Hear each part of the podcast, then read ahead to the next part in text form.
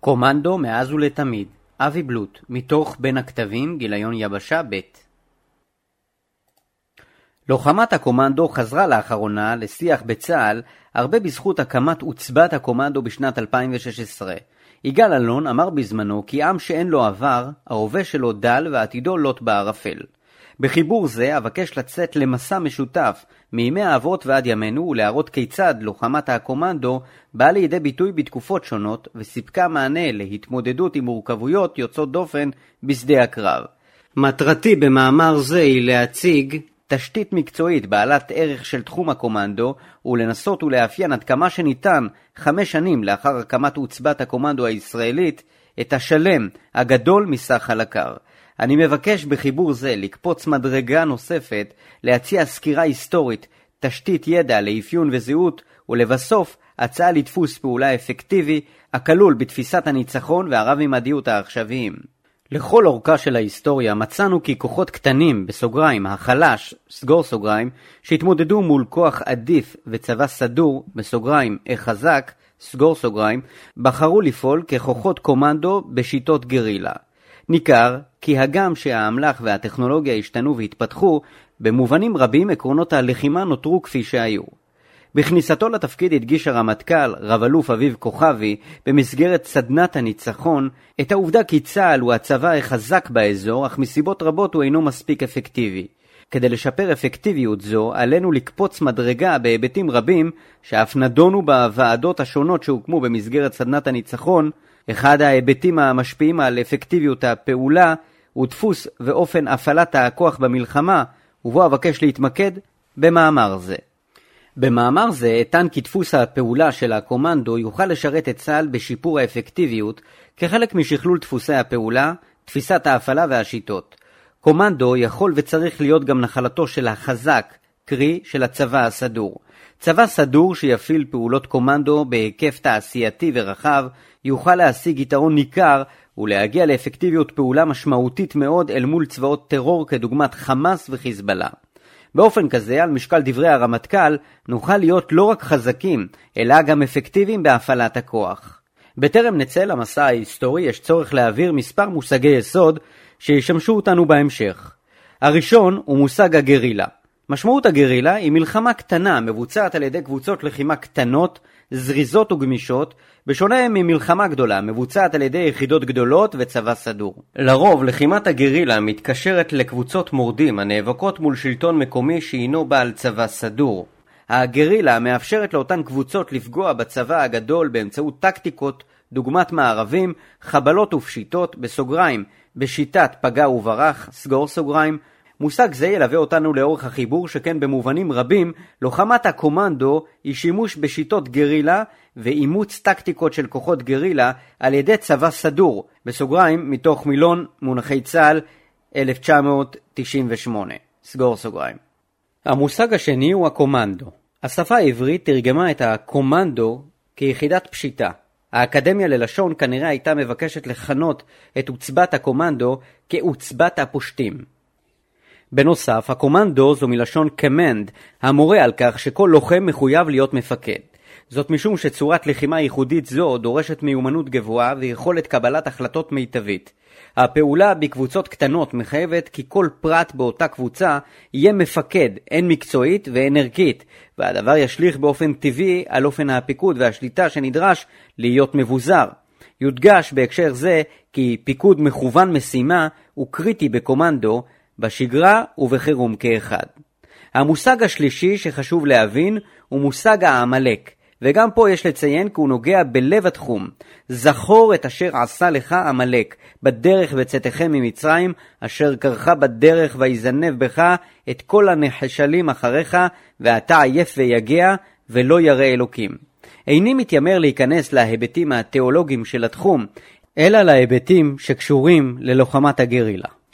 משה ועם ישראל נלחמים בעמלק עוד בטרם הכניסה לארץ ישראל, והמעניין הוא שההיסטוריונים לא יודעים לספר יותר מדי על העמלקים. איזה עם היו ואיזו טריטוריה החזיקו. זאת לעומת שיטת הלחימה שבה בחרו להילחם, הידועה מהכתובים, אשר קרחה בדרך. פגיעה ביריב בדרכו, כאשר אינו ערוך ללחימה. במונחים של היום היינו אומרים שעמלק העדיפו מערב או פשיטה כנגד כוח שהיה בתנועה אל היעד על פני מפגש עמו כאשר הוא על היעד. העמלק גם מזנב בך את כל הנחשלים אחריך ואתה עייף ויגע. קרי, יתקוף את החלש וימתין לשעת כושר ולזיהוי נקודות תורפה במערך הלחימה. במובנים רבים זה מזכיר את עקרונות הגרילה כפי שנכתבו על ידי מאו דה ז'דונג, אשר קבע כי אין לתקוף את החזק ועל כן נכון להמתין עד לזיהוי נקודות תורפה וחולשות. מאו דה ז'דונג אף הגדיר את העקרונות שנשמרים עד היום בקרב כוחות הגרילה כדלקמן. האויב תוקף, אנו נסוגים. האויב נעצר, אין אנו מניחים לו. האויב התעייף, אנו תוקפים. האויב נסוג, אנו רודפים אחריו. ניכר כי העמלקים היו כוח גרילה עתיק שפעל על פי העקרונות לעיל. הם נמנעו מלתקוף את החזק וחיפשו את נקודות התורפה בכדי לנצלן ולפגוע בצבא הסדור באופן מקסימלי. כל לוחם בצה"ל שנלחם ב-20 השנים האחרונות בעזה או בלבנון, בסוגריים עופרת יצוקה, מלחמת לבנון השנייה וצוק איתן, סגור סוגריים, לא יכול שלא לחשוב על צבאות הטרור של חמאס וחיזבאללה בהקשר זה. כך בדיוק הם פעלו נגד כוחות צה"ל בעזה ובלבנון, נמנעו מלהתעמת עם החזק וחיכו למצוא קצוות חלשים בכדי לתקוף אותם ולהפתיעם. מסע היסטורי בתחנות לוחמת הקומנדו, השלם גדול מסך חלקיו. כשתת אלוף דוד זיני, מפקדה הראשון של העוצבה, יצא לדרך בשנת 2015 עם חזון להקמת עוצבת קומנדו ישראלית, יחד עם האלופים רוני נומה כאלוף פיקוד המרכז ואורי גורדין כמפקד עוצבת האש, עיקר המאמץ הושקע בבירור עצמי לעקרונות הפעולה ובניין הכוח שבבסיס השלם שגדול מסך חלקיו. כצבא ביקשנו להביא בשורה אמיתית לצה"ל ולהוסיף כלי מבצעי חדש בארגז הכלים האופרטיבי. גם אני באופן אישי נדרשתי לברור שכזה כאשר התבשרתי כי תהיה לי הזכות לפקד על העוצבה ולהיות מפקדה השני. נדרשתי לברר את המושגים לעומקם, עד לכדי תוצר של אישור תפיסה מבצעית והוראות מקצועיות. בעיניי אין דרך טובה יותר לבירור מושגים מאשר מסע היסטורי ומקצועי במשעולי העבר הצבאי, הרחוק והקרוב כאחד. אני סבור כי כל לוחם ומפקד שבוחר לשרת באיזו מיחידות הקומנדו הישראליות נדרש לבירור שכזה, או אז ידע ויבין את עקרונות הפעולה לאשורם, וממילא ישכיל לפעול לאורם. אברהם יוצא לפעולת הקומנדו.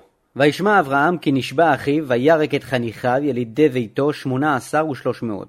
וירדוף עדן, ויחלק עליהם, לילה ועבדיו, ויקם וירדפם עד חובה, אשר משמאל לדמשק. אברהם נקלע שלא בטובתו למלחמת עולם של ממש, זו שכונתה מלחמת הארבעה בחמישה. ארבע אומות חזקות וגדולות שהגיעו ממרחב איראן, עיראק וסוריה של היום, אל מול חמש אומות שהיו בפועל ערי מדינה, חלשות בהרבה. ראשיתה של המלחמה במרד חמש המדינות וסירובן לשלם מיסים לאימפריה האזורית, ארבעה מלכים יצאו למסע כיבוש עם צבא גדול וביצעו תמרון ולחימה מצפון לדרום בצד המזרחי של הירדן. ללא מאמץ גדול בשל פערי עוצמה ניכרים כבשו עיר אחר עיר, הקיפו את ים המלח מדרום ועלו צפונה דרך סדום בצד המערבי של הירדן עד הגליל למרחב המכונה דן. שם, עם שלל רב של ציוד ושבויים עייפים אך מרוצים, הם חנו. ארבעת המלכים וצבאותיהם עשו הכל מצוין, פרט לטעות אחת קטנה שלבסוף עלתה להם ביוקר רב. מבין כל השבויים הם החליטו לשבות גם את לוט, אחיינו של אברהם. בימים ההם אברהם ישב באלוני ממרא, אשר בחברון, ועסק בענייניו. אך אחת ששמע כי נשבע קרובו, ומיד נערך לחילוצו. התורה לא מפרטת יותר מדי בנדון, ומסתפקת בשני פסוקים בכדי לתאר את שעשה אברהם. מתואר כי מיד אסף 318 לוחמים, לצורך הדיון נקרא להם יחידת קומנדו, ואימן אותם לקראת המבצע המיוחד, וירק את חניכיו. המפרשים מסבירים כי וירק זה מלשון להוריק את הנדן, קרי, ביצע אימוני חרב. אברהם רדף אחרי אותו צבא עצום עד שהגיע למרחב דן ושם השיגם. יש להניח כי ביצע תצפית מקדימה על אותו צבא עצום שחנה בשטח נשלט, וראה אותו שאנן ושיכור מניצחונו, תרתי משמע, צבא עייף ממסע ארוך, קרבות קשים וסחיבת שלל כבד. אברהם ניצל את המצב, חילק את יחידתו למספר פלוגות, מימש את עקרון התחבולה בנצלו את חשכת הליל, ותקף את ארבעת המלכים וצבאותיהם. תוך שאלו נסוגו מיד צפונה בבריחה המונית. מתואר כי אברהם רדף אחריהם עד משמאל לדמשק, כשהכוונה היא ככל הנראה עד מצפון לדמשק, שכן המילה שמל בערבית משמעותה צפון. בזכות פעולתו המוצלחת הוא הצליח לשחרר את הרכוש ואת השבויים, לרבות את לוט. זהו פרק מדהים בהיסטוריה וניתן ללמוד ממנו את העיקרון הראשון בלוחמה מסוג זה, ככוח קומנדו עלינו לפעול בשיטת הגרילה, בסוגריים כעמלק, סגור סוגריים, נגד האויב. הכוונה היא כי כוחות הקומנדו, ככוחות קטנים ועצמאיים, יזנבו באויב ויתפסו אותו בחולשתו, וכשהוא בדרך, אברהם פעל בזמישות, שזהו שילוב של זריזות וגמישות, ותקף בתחבולה שהתבררה כאפקטיבית ביותר, אל מול צבאות שהיו עדיפים בכל פרמטר. עיקרון ראשון, כוח הקומנדו יפעל בשיטות גרילה נגד יריבו. מבחן המלקקים של גדעון ויאמר השם אל גדעון, עוד העם רב אורד אותם אל המים, ואצרפנו לך שם. ויאמר השם אל גדעון, בשלוש מאות האיש המלקקים, הושיע אתכם. ומדיין ועמלק וכל בני קדם נופלים בעמק כארבה לרוב, ולגמליהם אין מספר כחול שעל שפת הים לרוב. ויחץ את שלוש מאות האיש שלושה ראשים, ויתן שופרות ביד כולם, וחדים ריקים ולפידים. גדעון השופט יותר מכולם מזוהה עם יחידות הקומנדו והיווה השראה לרבים בהיסטוריה, בסוגריים, בקרב תרמופילאי בו לחמו 300 ספרטנים כנגד המון פרסי ב-480 לפני הספירה ועד להקמת היחידה 101. סגור סוגריים. גדעון התמודד בימיו מול צבאות עצומים, מדיין, עמלק ובני קדם. בניסיונו לגייס את העם התייצבו לפניו 32 אלף לוחמים פוטנציאליים, הוא צמצם אותם לכדי עשרת אלפים, אותם הגיש למבחן נוסף, מה שהיה זוכה בימינו לשם גיבוש ליחידות מיוחדות, מבחן המלקקים. לבסוף הוא נשאר עם 300 הלוחמים הטובים ביותר המהווים את יחידת הקומנדו שלו, ואותם פיצל לשלוש פלוגות. גדעון הקפיד על תחבולה, תזמון מדויק בשעות הלילה, בסוגריים בראש האשמורת התיכונה, סגור סוגריים, ואף עשה שימוש בהונאה טקטית, שיא הטכנולוגיה נכון לאותם ימים. לכל לוחם נתן שופר, לפיד וחד ריק, ויצר חיזיון שהכניס את האויב לפאניקה וגרם למבוקה ומבולקה במחנותיהם. עם יחידת הקומנדו שלו יצא גדעון ופגש את צבאות הענק היושבים בעמק, בסוגריים, בשטח נשלט, סגור סוגריים, ואנו למדים ממנו על העיקרון השני בלוחמת הקומנדו, בניית נבחרת מצוינת ומנצחת. יחידת הקומנדו היא המעט המחזיק את המרובה, המאגדת חיילים איכותיים בעלי מיומנויות לחימה מגוונות. בנוסף לאיכויות הלחימה, ניכר כי לוחמי גדעון ידעו גם לבצע מהלכי הונאה מוצלחים. היום היינו מקבילים זאת ליכולות טכנולוגיות, הפעלת אש, חבלה, רפואה, תצפית והכוונת אש מכל תווך. עיקרון שני, בניית נבחרת מצוינת ומנצחת. שמשון מכה שוק על ירך. וילך שמשון, וילקוט שלוש מאות שועלים, ויקח לפידים, ויפן זנב אל זנב, וישם לפיד אחד בין שני הזנבות בתווך. ויבר אש בלפידים, וישלח בכמות פלישתים, ויבר מגדיש ועד קמה ועד כרם זית. ויאמרו פלישתים, מי עשה זאת? ויאמרו שמשון חתן התמני, כי לקח את אשתו, ויצנע למרעהו, ויעלו פלישתים, וישרפו אותה ואת אביה באש. ויאמר להם שמשון, אם תעשון כזאת, כי אם נקמתי בכם, ואחר אחדל. ויח אותם שוק על ירך מכה גדולה, וירד וישב, בסעיף סלע איתם. שמשון השופט משבט דן פעל במרחב צורעה, בסוגריים, המוכר כיום ככביש 38, סגור סוגריים, מאזור בית שמש ועד למרחב בית גוברין. האויב המרכזי שלו היו הפלישתים, ובצוואר פשיטות גרם לבוקה ומבולקה בקרב יריביו. בספרו שמשון כתב ז'בוטינסקי כי שועלי שמשון הם בעצם כינוי ללוחמיו של השופט, ובפועל המדובר ביחידת קומנדו שזרה הרס רב בקרב הפלישתים. אורי אבנרי כתב שועליו של שמשון שוב פשטו במרחב ונושאים השלבת בליל. מעזה ועד גת שוב נטוש זה הקרב לחירות ישראל.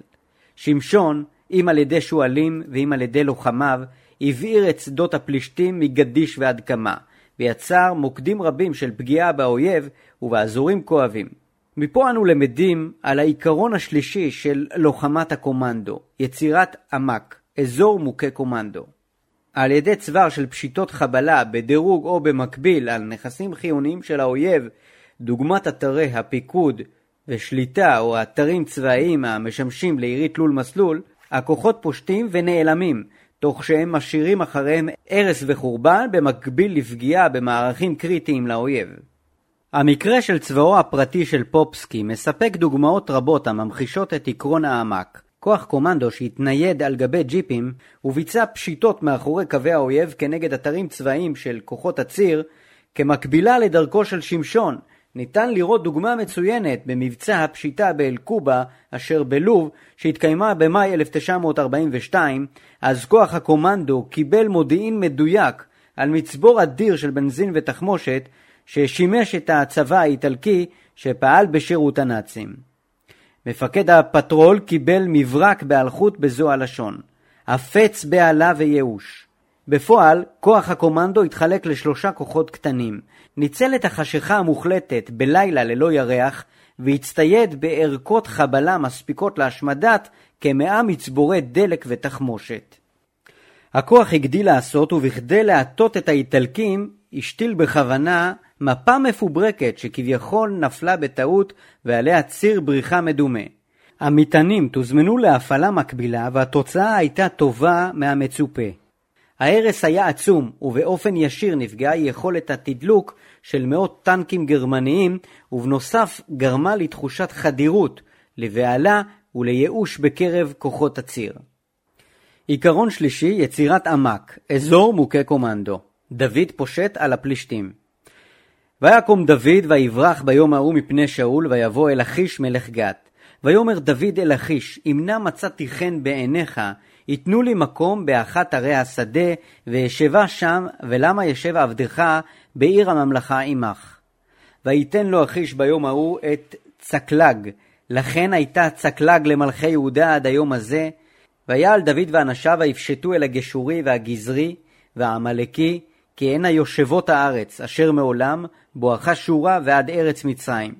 והיכה דוד את הארץ, ולא יחיה איש ואישה, ולקח צאן ובקר, וחמורים וגמלים, ובגדים, וישוב ויבוא אל אחיש. ויאמר אחיש, אל פשטתם היום, ויאמר דוד על נגב יהודה ועל נגב הירחמיאלי, ואל נגב הקיני.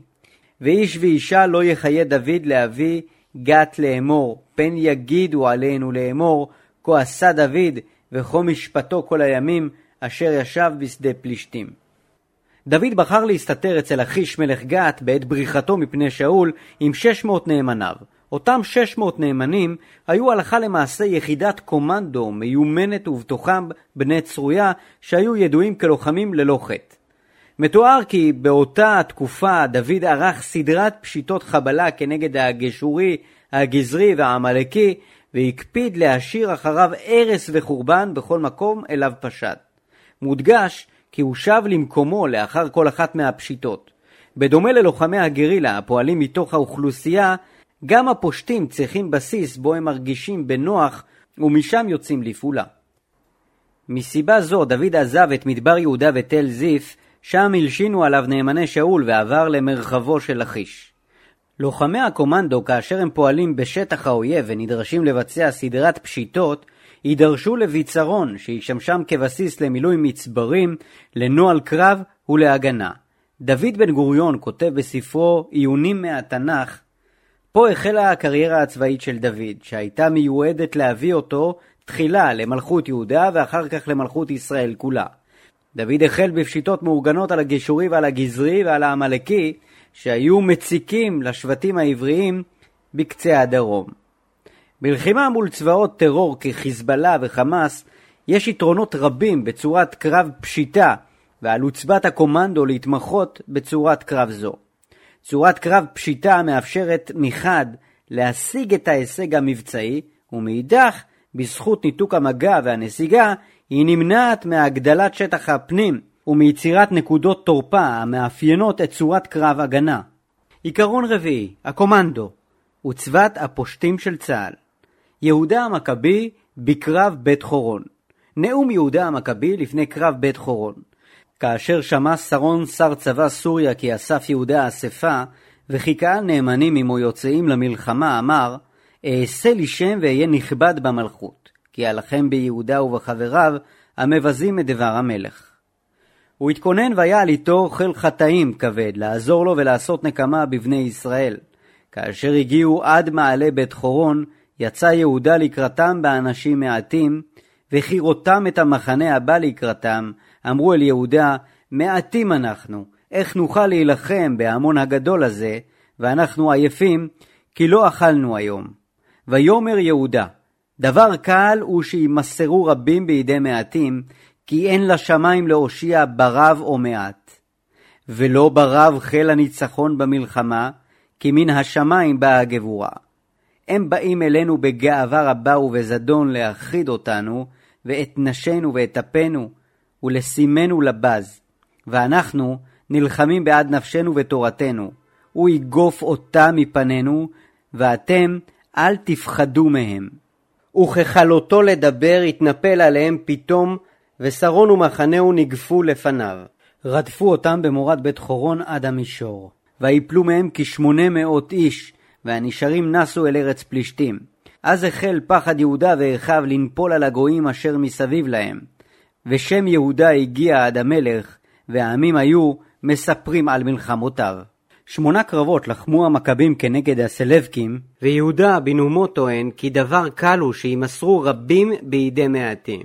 המכבים נתנו דוגמה מצוינת לכך, ובראייה לאחור ניתן לומר כי המשפט נכון, ובלבד שמתקיימים שני תנאים. הראשון, מימוש עקרון התחבולה, והשני, יצירת עדיפות מקומית. תחבולה היא מלשון חיבל, והשימוש בתחבולה היא בכדי להביא למצב שאתה רב החובל של הקרב ושולט בנעשה. המכבים, כפי שהדבר בא לידי ביטוי בקרב בית חורון ובקרבות אחרים, הביאו את הסלבקים לאזורי הנוחות שלהם להרים. בערים הסלבקים לא יכלו להביא לידי ביטוי את האמל"ח שלהם ואת יתרונם המספרי, שכן הם נדחקו לצווארי בקבוק שהתכסית בהם מאתגרת. בסדרת מערבים ופשיטות מתוחכמות הכניעו המכבים את אויביהם וביססו ריבונות יהודית בארץ ישראל. פעמים רבות כוחות קומנדו ימצאו עצמם פועלים במרחב בו יש לאויב יתרון בלוחמים ובאמל"ח, ובכל זאת, דרך היוזמה והתחבולה, כוחות הקומנדו יהיו חייבים ליצור עדיפות מקומית. הם נדרשים להשגת יעדיהם המבצעיים תוך ניתוק מגע בטרם יגיעו עתודות האויב שיאפשרו לו להביא לידי ביטוי את יתרונותיו. בספרה של וירג'יניה קולס, מפקד הרפאים, שיצא לאור ב-1958 ונחשב לאחד הראשונים בז'אנר הספרות הצבאית המתאר את יחידות מיוחדות, והראשון שנכתב על יחידת הקומנדו הבריטית SAS, מובאות דוגמאות רבות למימוש עקרונות התחבולה ויצירת העדיפות המקומית, ואחת הבולטות היא הפשיטה של אנשי סטרלינג באביב 1942 על שדה התעופה בבנגזי, בפשיטה הושמדו מטוסי אויב בעודם על הקרקע, תוך מימוש עקרונות התחבולה. בהפתיעם את האויב הם התגנבו לשדה במרחב שהיה נראה לאויב כבטוח, והניחו מטעני חבלה שהוצמדו למטוסים.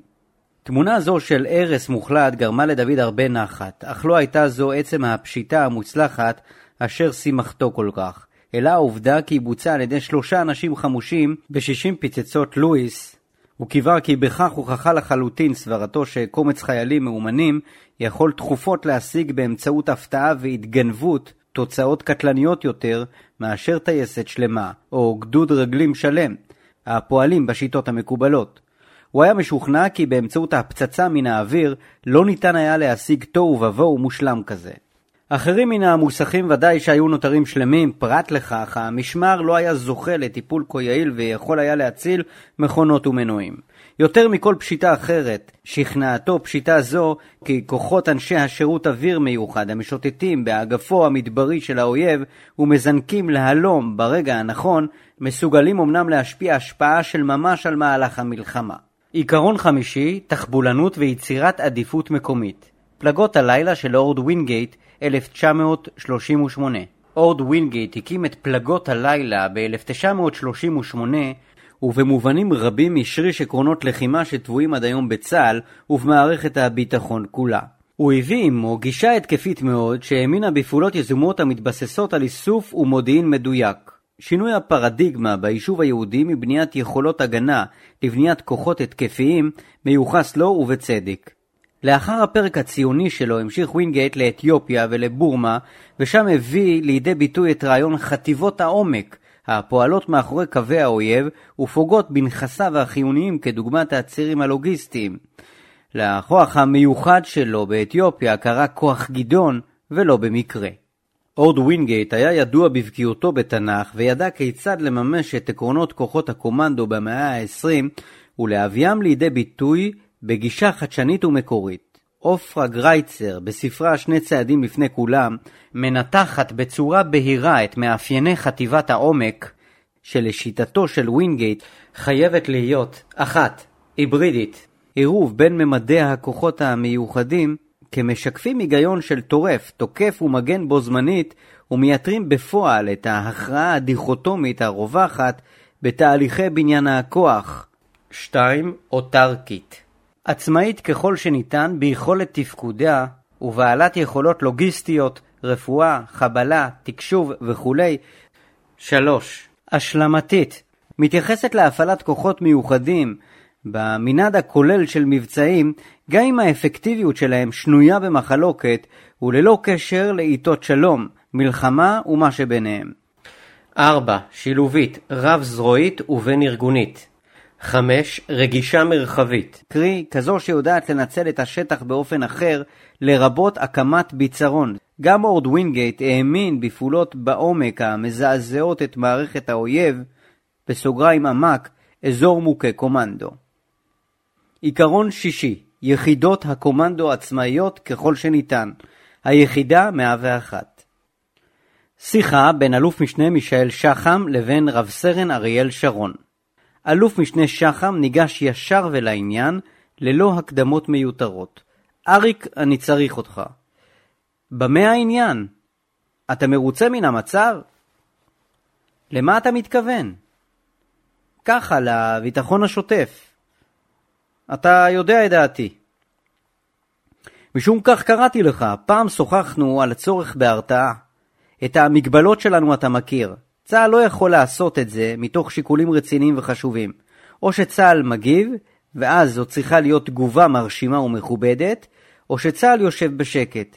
הרציחות הקטנות והליליות אינן סיבה להפעלתו של צה"ל הגדול. אף מדינה בעולם לא תצדיק תגובת צה"ל כצבא סדיר על מעשה שוד ורצח של מה שמכירים בעולם כהפליטים המסכנים. ובכן, שאל אריק, אני אחראי לביטחון בירושלים, ואני חייב להפסיק את החדירות, או לפחות ליצור איום על המסתננים. אם נגזר שישרור פחד בלילות, אני מעדיף שהפחד ישרור גם בצד השני. בצד השני מסתובב מוסטפא סמואלי, בלילות הוא נכנס לצד שלנו ומשתולל. אתה יודע שמוסטפא נשבע להרוג 100 יהודים לפחות. בנביא סמואל רואים בו גיבור. אני בעד שנוריד שם בית, רצוי את הבית שלו. אתה מוכן לעשות זאת מחר בלילה? אתה יודע שאני סטודנט. יודע. יש לי בחינה בכלכלת המזרח התיכון. שמע אותי טוב, אריק. הלימודים לא יברחו. יש אנשים הלומדים על מעשה אחרים בהיסטוריה, ויש אנשים שעושים היסטוריה שאחרים לומדים עליה. אסוף אנשים לפי בחירתך, כאן בחטיבה תקבל כל מה שתבקש. הביצוע מחר בלילה. הקמת היחידה 101 היא דוגמה מובהקת לרצון של הרמטכ"ל דאז, משה דיין, להביא לשינוי הפרדיגמה בצה"ל. אורך חייה של יחידה זו נמדד בסך הכל במספר חודשים בודדים, ולאחריהם נטמעה בגדוד 890 בצנחנים. היחידה הוקמה בשל צורך מבצעי, אך יותר מהכל, הוקמה כדי להוות מושך לכל צה"ל כסמן ימני. התקווה הייתה כי הנורמות והערכים של היחידה, כדוגמת הסיסמה "לא חוזרים עד שמבצעים", המורה על דבקות במטרה, יוטמעו בכל צה"ל ויהפכו לנחלת הכלל. הקמת היחידה ובחירת חבריה, כמו לוחמי גדעון, בוצעו בקפידה. הלוחמים עברו הכשרות אינטנסיביות ופעלו מבצעית בצורת קרב פשיטה. עיקרון שביעי, הקומנדו כמושך לשינוי הפרדיגמה בצה"ל. לאחר שהיחידה 101 נטמעה בגדוד 890 בשנת 1953, ניכר שאכן הייתה השפעה ערכית ונורמטיבית רבה על כל צה"ל. יחד עם זאת, בהיבט המקצועי צה"ל איבד כוח קומנדו שהתמחה בצורת קרב פשיטה. צורת קרב זו המשיכה להיות נפוצה בקרב הגדודים הסדירים עד לשנת 1973, אך לאחר מלחמת יום הכיפורים ניכרת הטיה ברורה להתמחות בצורת קרב התקפה והגנה בלבד. לצד הסקירה ההיסטורית של חיבור זה, ניתן ורצוי להרחיב ולקיים סקירה מתודולוגית והיסטורית של התפתחות הקומנדו ויכולותיו בצה"ל בשנים שבין מלחמת יום הכיפורים ועד להקמת עוצבת הקומנדו בימינו. סקירה מסוג זה תאפשר אפיון מעמיק של היכולות המגוונות, השיטות שהתפתחו ותחקירי האירועים המציפים התאמה סבירה של חימוש למטרה בשל פערים מקצועיים שעוצבת הקומנדו מבקשת לתקן. עם זאת, בשלב זה אבקש עדיין להתמקד בתשתית הראשונית, השלם הגדול מסך חלקיו, ה-80% המשותף לכלל יחידות הקומנדו הישראליות, העומד בבסיס הקמת עוצבת הקומנדו והוצג לאורך מקרי ההיסטוריה שביקשתי לחשוף בחיבורי. Top 10 10 עקרונות פעולה ובניין כוח שהם לב תחום הקומנדו המהווים מוקד בחמש השנים הראשונות להקמתה. 1. עוצבת הקומנדו היא עוצבת הפושטים של צה"ל, ומכאן שמחויבת להתמחות בצורת קרב פשיטה כצורת הקרב העיקרית. 2. לפעול בשיטות גרילה כנגד צבאות הטרור, על אף השתייכות עוצבת הקומנדו לצבא הסדור, היכולת לפעול בשיטות גרילה כנגד האויב בעורפו ולפגוע בנכסים חיוניים שברשותו היא קריטית, בעומק, בעורף האויב, ננצל את חולשותיו ונפגע בו כשהוא עייף ויגע. 3. עמק, אזור מוכה קומנדו.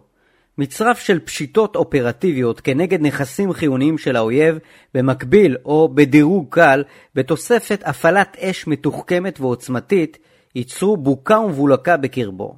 יהיה בכך איום על שרידותו של האויב, בנוסף לפגיעה תפקודית קשה, שכן נפגע בנכסי צאן ברזל שברשותו. בעניין זה יש להזכיר כי היוזמה היא משחק סכום אפס, קרי, בהיעדר יוזמה מצידנו, ייזום האויב כנגד כוחותינו. זה מחייב תכנון קפדני של רצף וקצב מבצעי הקומנדו. 4. נבחרת מצוינת ומנצחת, מבחן המלקקים של גדעון, מקביל לתהליכי המיון ולגיבושים המתקיימים היום בצה"ל ליחידות המיוחדות. לוחמי הקומנדו כולם נדרשים להיות בעלי מיומנויות פיקוד ולחימה רבות, לצד יכולות מנטליות להתמודד עם אתגרים יוצאי דופן.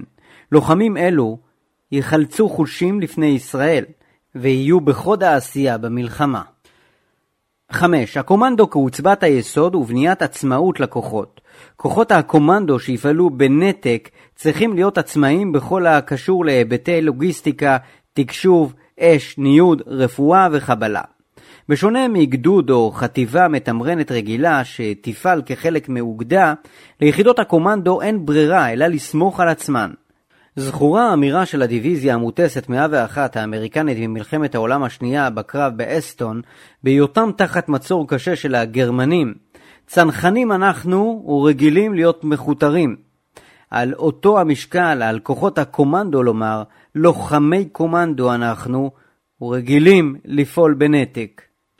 6. יצירת עדיפות מקומית עוצבת הקומנדו תפעל במקום שבו לאויב יש עדיפות בכמות לוחמיו ובאמל"ח שנמצא ברשותו, ועל כן עליה, במקומות שבהם היא בחרה לפשוט או לערוב, ליצור עדיפות מקומית. מיד לאחר השגת ההישג המבצעי, יהיה עליה לנתק מגע לביצרון או לעבור למשימה הבאה. האתגר הוא למנוע מהאויב לבנות תמונת מצב ברורה ביחס לכוחותינו, ובמובן זה על כוחות הקומנדו לממש את עקרון האמורפיות ולהיות חסרי צורה. 7. מימוש עקרון התחבולה על יחידות הקומנדו להיות רב החובל של שדה הקרב. התחבולה היא עיקרון חשוב לכל הכוחות הלוחמים, אך בקומנדו, בשל הימצאות כוחותיו בשדה הקרב שבו יש לאויב עדיפות ברורה, התחבולה הופכת להיות קריטית בהרבה. ללא מימוש עקרון התחבולה, האויב עלול להביא את יתרונותיו לידי ביטוי ולהכריע את כוח הקומנדו. יש להוסיף לעיקרון זה את היבטי התעוזה שכן המעז מנצח. זה מחייב גם את הרמות הממונות להיות סבלניות לטעויות של יחידות הקומנדו. באחת מפשיטותיו של דוד סטרלינג בתחילת דרכו הוא חווה כישלון צורב.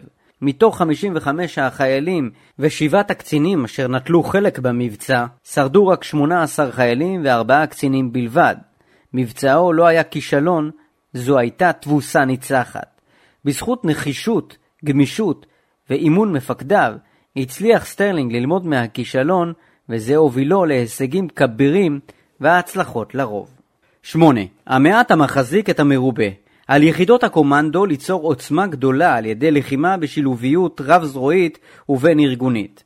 זה יתבטא במודיעין, בתקשוב, בלוגיסטיקה ובאש. זהו המעט המחזיק את המרובה. 9. להיות הפתרון ולא הבעיה. האתגרים של יחידות הקומנדו יהיו עצומים, ועל כן הם נדרשים לזמישות, זריזות בביצוע המשימות וגמישות בהתמודדותן עם מצבים משתנים. במסגרת זאת התפתחו לא מעט טכניקות קרביות כדוגמת הביצרון ונסיגה אווירית מעומק השטח. 10. להוות מושך לשינוי הפרדיגמה בצה"ל. עוצבת הקומנדו מכילה נבחרת של לוחמים מצוינים שעברו הכשרה מיטבית ואלו נדרשים למצוא פתרון למצבים משתנים בשדה הקרב. צה"ל מאפשר ליחידות לבחור את אנשיהן ובצד זאת מצפה כי הן תהוונה סמן ימני לכל הצבא. איכות ביצוע, פיתוח מפקדים בכל היחידות, סטנדרט ערכי, מיטבי, והחשיבה מחוץ לקופסה, תוך פיתוח שיטות לחימה מתקדמות, בכל אלו ייבחנו יחידות הקומנדו. עוצבת הקומנדו של צה"ל, כלי אופרטיבי בארגז הכלים לניצחון. חמאס וחיזבאללה הפכו ברבות השנים מארגוני טרור לצבאות טרור. זהו יתרונם, אך גם חסרונם. שינויים אלו מהווים עבורנו הזדמנות מבצעית של לוחמת הקומנדו תוכל להם. בחלק זה של חיבורי אבקש להעמיק במקרה בוחן של סל הכלים וההזדמנויות המבצעיות כפי שאני מבין אותן, אך ראשית אתייחס ליתרונותיו המובהקים של חיזבאללה בשטחו. א. אחיזתו בשטח לרבות היטמעות בקרב האוכלוסייה המקומית. ב. כוחות רג'ואן המאומנים והמיומנים הפועלים בחזית. ג. יכולת רקטית משמעותית, במסה גדולה ובטווחים משתנים. ד. יכולות נ"ט ישראל לעומתה מבססת את עיקר עוצמתה על יכולות סייבר ומודיעין, יכולות חיל האוויר, האש המדויקת ועוצמת התמרון. התמרון הצה"לי בצורת קרב התקפה מייצר שטח פנים רחב בשטחים הפתוחים, כמו גם בשהייה בשטחים האורבניים. שטח פנים רחב זה מאפשר לאויב להביא לידי ביטוי את יתרונותיו במערבי נ"ט ובפעולות מגוונות באזורים האורבניים. הוספת דפוס פעולה על ידי צה"ל החזק בדמות הפעלת פעולות קומנדו מסוג פשיטות ומערבים בהיקף רחב יכול להביא להישגים משמעותיים במרחבי ליבה של האויב ובמקביל ינטרל את יכולת האויב להביא לידי ביטוי את יתרונותיו. ממש כפי שתואר בסקירה ההיסטורית לעיל, אלא שהצעתי מביאה בחשבון גם וגם תמרון והתקפה לצד פעולות קומנדו במרחבים נבחרים. מה שאני מבקש להציע, להוסיף לסל הכלים הצה"לי הוא בעצם עוד רב-ממדיות, הפעלת התמרון וההתקפה במקביל ובשילוב יכולות הקומנדו של צה"ל תביא לנטרול יכולות האויב וחוסר יכולתו להביא לידי ביטוי את יתרונותיו. סגן אלוף במילואים עופר ארליך במאמרו לוחמה מבוזרת של חי"ר קל נגד גרילה טוען במאמרו כי מכיוון שהשגת שליטה מלאה על השטח מחייבת כוחות רבים, יש עדיפות לפעולה ממוקדת להשגת מטרות במתווה של פשיטה, שבה הכוחות אינם הופכים למטרות לגרילה. בהמשך המאמר הוא מונה את עקרונות היסוד להפעלת כוחות כפי שהם מובאים במדריך השדה האמריקני ללוחמה נגד גרילה. עומק, גמישות פעולה, נוע במהירות, תקוף חזק וסיים במהירות, שימוש בשטח ובמזג האוויר ושימור רוח הלחימה של הגייסות. אציין כי אני מסכים מאוד עם הנאמר במאמרו המצוין של ארליך, למעט שתי הסתייגויות. הראשונה קשורה לעקרונות הפעולה אותם מנה ארליך, כולם נכונים בעיניי, ואני סבור כי הם כלולים באלו הנמנו על ידי במאמר זה. יחד עם זאת, חסרים עוד כמה עקרונות כדוגמת עצמאות הכוחות והתחבולנות המשלימות את התמונה. על כן חשוב להרחיב את היריעה. ההסתייגות השנייה היא השימוש במונח חי"ר קל, שבעיניי אינו נכון ואינו מתאים. אכן, החי"ר הקל מובדל מהחי"ר הכבד על גבי רקם, אך יחד עם זאת הוא נותן אוריינטציה מוטית כאילו מדובר בלוחם שהוא קל משקל וקל ביכולות. לוחם הקומנדו הוא המונח שאותו אני מציע, והוא עוצר בתוכו את הסגולות המקצועיות והנפשיות של הלוחם, הנמנה על הצוות, הפלוגה ויחידת הקומנדו. לוחם זה, כפי שצוין לעיל, נבחר בקפידה, בעל הכשרה מתקדמת ומביא לשדה הקרב מיומנויות רבות. אופי לוחם הקומנדו כולל איתנות, זריזות וגמישות, תחבולנות ומצוינות. את כוחות הרג'ואן ניתן לעקוף על ידי פעולה בעומק, תוך דילוג על חיכוך עם כוחות האויב בחזית. התאמותו במרחבים האורבניים תתקשה לבוא לידי ביטוי, שכן בצורת קרב פשיטה כוחות הקומנדו יימנעו משהות ארוכת טווח בכפר וינתקו מגע אל עבר הביצרון לאחר השגת ההישג המבצעי שנקבע. מערבי הנ"ט והיכולות הרקטית בהחלט מהווים איום לכוחות קומנדו, אך בשל חתימתם הנמוכה ושאיפתם להיות חסרי צורה עד כמה שניתן, האיום נגדם קטן משמעותית מאיום הנ"ט כנגד תמרון כבד ועוצמתי בעל חתימה גבוהה. ביחס לעוצמות צה"ל, פעולות קומנדו אמורות לבוא לידי ביטוי באופן מרבי מיצוי כל עוצמת האש והדיוק של חיל האוויר בשילוביות מיטבית, תוך ניצול המודיעין האיכותי לבחירת יעדי פשיטה שההישג בהם יהיה משמעותי ביותר. יכולות חדשות שהתפתחו בזכות הקמת היחידה הרב-מימדית יוטמעו ביחידת הקומנדו וישפרו עוד יותר את אפקטיביות הפעולה. דפוס פעולה של קומנדו שכפי שציינתי מומש באופן היסטורי על ידי החלש, אך פה מקבל עדנה מחודשת בדמות הפעלתו על ידי החזק, חשוב לי להבהיר כי אינני מציע שדפוס הפעולה הזה יחליף את התמרון הכבד, אלא יצטרף ויהווה כלי נוסף בארגז הכלים המגוון של צה"ל. אני סבור כי שילוב של דפוסי פעולה שונים, בסוגריים, התמרון הכבד בהתקפה, בצד פשיטות קומנדו בהיקף נרחב, סגור סוגריים, במהלך המלחמה יגביר את האפקטיביות של המעשה המלחמתי, ובמקביל יגדיל את אי הוודאות וחדלות המס בצד האויב. הבהרה נוספת שחשוב שתיעשה היא שצורת קרב פשיטה איננה נחלתה הבלעדית של הכוחות המיוחדים. אני סבור שבלחימה אל מול צבאות טרור בעזה או בלבנון, יש מקום לבצע פשיטות גם על ידי חטיבות כבדות, המבוססות על רק"ם וטנקים. התקפה עוצמתית באזור אורבני או אחר, מימוש ההישג המבצעי במינימום זמן וניתוק מגע בטרם האויב מספיק להתאושש, הוא מעביר את היוזמה לצד שלו על ידי ביצוע התקפות מקומיות שמבוצעות על ידי כוחותיו המובחרים אל מול נקודת תורפה שלנו בהגנה. אני סבור כי את העלייה ברלוונטיות ובחשיבות יחידות הקומנדו ניתן לייחס לשלושה גורמים מרכזיים. ראשית, השינוי שחל בתופעת המלחמה בכלל ובאזורנו בפרט, הכולל התפתחות של צבאות טרור כדוגמת חמאס וחיזבאללה, כמו גם העברת שדה הקרב למרחבים אורבניים וסגורים. כפי שהראיתי קודם, תרומתן של יחידות הקומנדו עולה כמו גם הרלוונטיות של צורת הקרב פשיטה. שנית, הימצאותם של מפקדים בכירים רבים בצה"ל שהם בוגרים של יחידות קומנדו שמאמינים מאוד בדפוס הפעולה של פשיטות ואף התנסו בכך כמ"פים, מג"דים ומח"טים בחומת מגן, עופרת יצוקה, מלחמת לבנון השנייה ובצוק איתן. שלישית, לא ניתן להתעלם מההתפתחות הטכנולוגית האדירה ב-20 השנים האחרונות. התפתחות זו מאפשרת מיצוי טוב יותר של המודיעין והאש והגדלת העוצמה של התמרון. מיותר לציין כי טכנולוגיה זו היא מורכבת ויכולה להיות ממוצע רק כאשר היא מופעלת על ידי כוח מיומן ומקצועי. יחידות הקומנדו הבנויות מלוחמים מצוינים, בעלי הכשרה ארוכה, המבצעים שירות ארוך שכולל חתימה לקבע, הן המתאימות ביותר להביא את היכולות הטכנולוגיות הללו לידי ביטוי באופן מיטבי.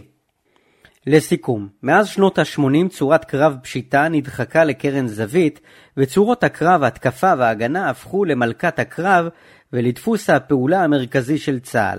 הפשיטה הייתה לנחלתן של יחידות מיוחדות קטנות, ומומשה בעיקר בפעולות חשאיות מעבר לגבולות. דווקא בפעולות באזור יהודה ושומרון ובעזה, שהוגדרו אז כפעילות נמוכת עצימות, מימשנו את צורת קרב פשיטה. לוחמת הקומנדו מלווה אותנו מימי קדם והיא רלוונטית היום לא פחות מבעבר, ולטעמי אף יותר לאור ההתמודדות שלנו עם צבאות הטרור חמאס וחיזבאללה. דרך הדוגמאות בהיסטוריה היהודית העתיקה והמודרנית, הצגתי את לב תחום הקומנדו ופירטתי את העקרונות המובילים הנלמדים מניסיון העבר. לאחר עשרות שנים שבהם צורת קרב פשיטה לא הייתה מלכת הקרב ולא מומשה באופן מספק, ניכר כי הגיעה שעתה והיא נדרשת, רלוונטית וחשובה. דפוס הפעולה של הקומנדו רלוונטי לחזק לא פחות מאשר לחלש, והשימוש בו על ידי צבא סדור באופן רחב ותעשייתי יכול להביא להישגים משמעותיים בשדה הקרב.